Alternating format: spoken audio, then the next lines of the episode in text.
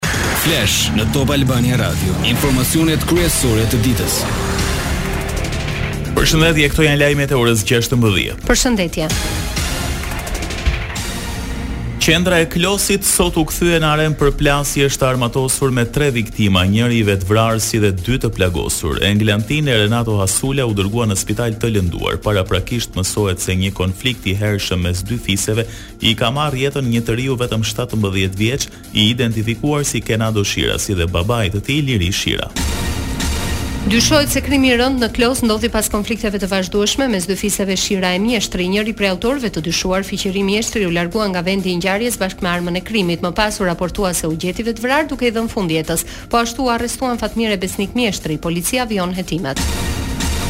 Aksident rrugor në Durrës plagosen tre të rinj, ngjarja ndodhi në orët e para të mëngjesit në lagjen numër 13 të qytetit bregdetar. Pas përplasjes së dy makinave me drejtues, dy shtetas 25 e 29 vjeç, bashkë me shoferët u lëndua edhe një 32 vjeçare, e cila udhëtonte si pasagjere, që të tre u dërguan në spital jashtë rrezikut për jetën.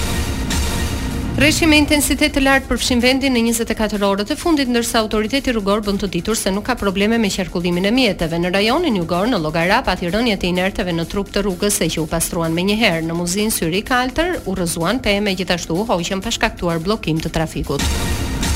Por ditën e sotme vendi ynë do të ndikohet nga kushte relativisht të paqëndrueshme atmosferike për shkak të masave ajrore të lagështa me origjinë perëndimore. Moti vijon me vranësira mesatare deri të dendura, shoqëruar me shira në zonat e qendrës dhe jugut. Temperaturat variojnë nga dymbëdhjetë në njëzet e gjashtë gradë Celsius.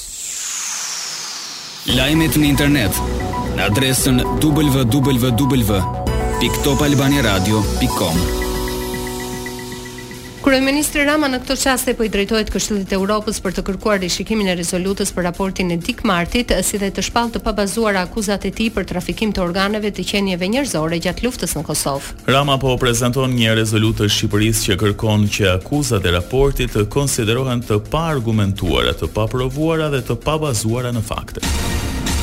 Shqipëria pret një raport vijues që do të çojë edhe në rivendosjen e besueshmërisë te Këshilli i Europës. Raporti i Dick Marty-t çoi në formimin e Dhomave të Specializuara në Hagë më dy mijë e pesëmbëdhjetë, tani ato hetojnë krimet e pretenduara të ish-pjesëtarëve të UÇK-së kundër pakicave etnike e rivalëve politikë që dyshohet se janë kryer nga janari i vitit nëntëdhjetë e tetë deri në dhjetor dy mijë.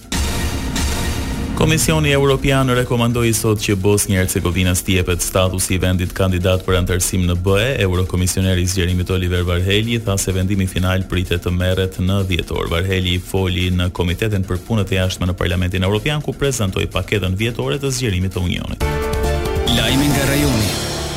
Drejtorit të Zyrës për Kosovën në Qeverinë e Serbisë, Petar Petkoviq iu ndalua hyrja në Kosovë dhe pjesëmarrja në shugurimin e Patriarkut Porfirie në Patriarkanën e Pejës, ndërsa Prishtina zyrtare ende nuk ka reaguar, kjo zyrë pretendon se vizita u paralajmërua siç duhet duke respektuar të gjitha marrëveshjet e arritura. Beogradi do të bëjë ankesë në Bruksel.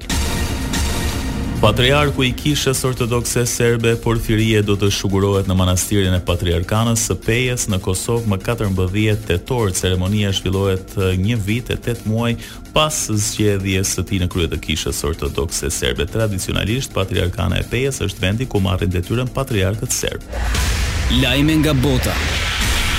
Moska njofton se arrestoi pesë rusë dhe tre shtetas të Ukrainës dhe Armenisë lidhur me shpërthimin e së shtunës që dëmtoi urën e Krimesë e shkaktoi tre viktima. Përmes saj Rusia lidhet me këtë gadishull të aneksuar Ukrainës.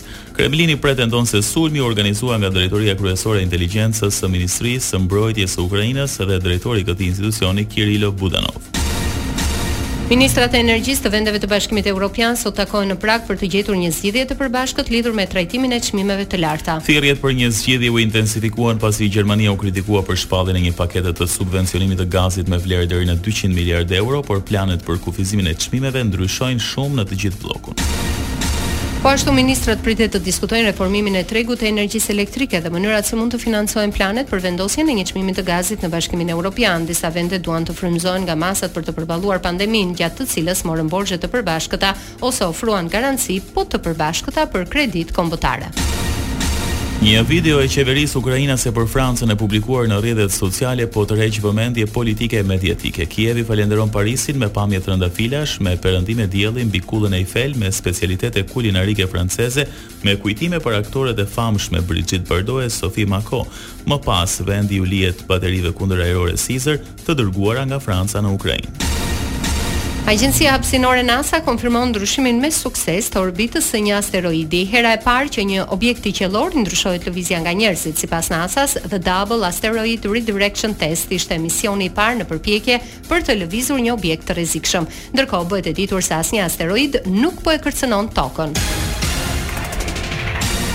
Ndoqët një përmbledhje kryesore të lajmeve të ditës.